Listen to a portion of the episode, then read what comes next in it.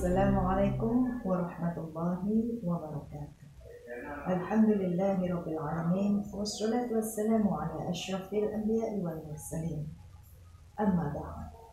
Pemirsa yang dirahmati oleh Allah, seiring dengan datangnya ujian pandemi COVID-19, keluarga menjadi dituntut untuk lebih banyak di rumah.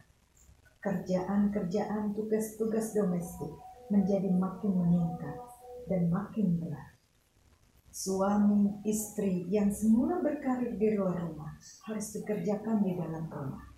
Anak-anak yang semula sekolah di tempat sekolah, hari ini mereka belajar di rumah.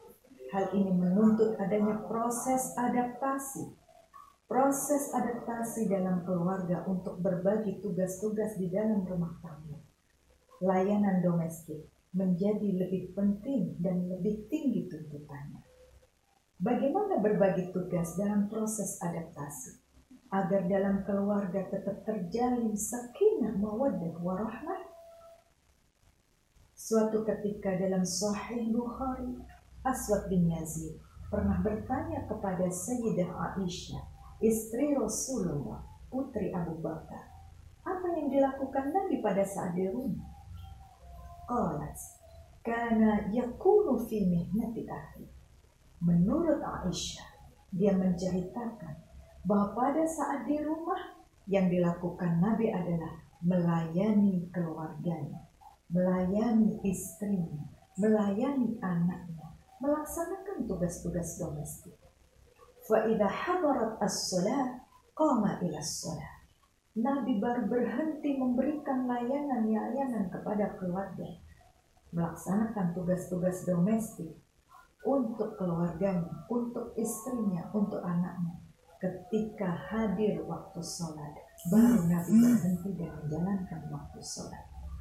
Inilah yang dicontohkan oleh Nabi, bagaimana membangun keluarga sesuai dengan tujuan berumah tangga, yaitu keluarga yang sakinah, damai, sentosa, sejahtera karena adanya mawaddah warahmah, cinta dan kasih sayang.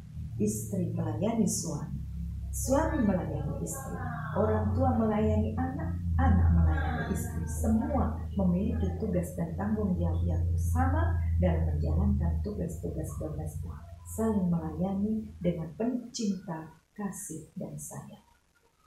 Pemirsa yang dirahmati oleh Allah, semoga ujian pandemi COVID-19 segera diangkat oleh Allah dan kita mendapatkan hikmah yang besar. Rumah tangga menjadi makin sakinah mawaddah warahmah. Negara menjadi negara baldatun thayyibatun wa rabbun ghafur. Wallahu yarhamuna birahmati tammah fid dunya wal akhirah. Wassalamualaikum warahmatullahi wabarakatuh.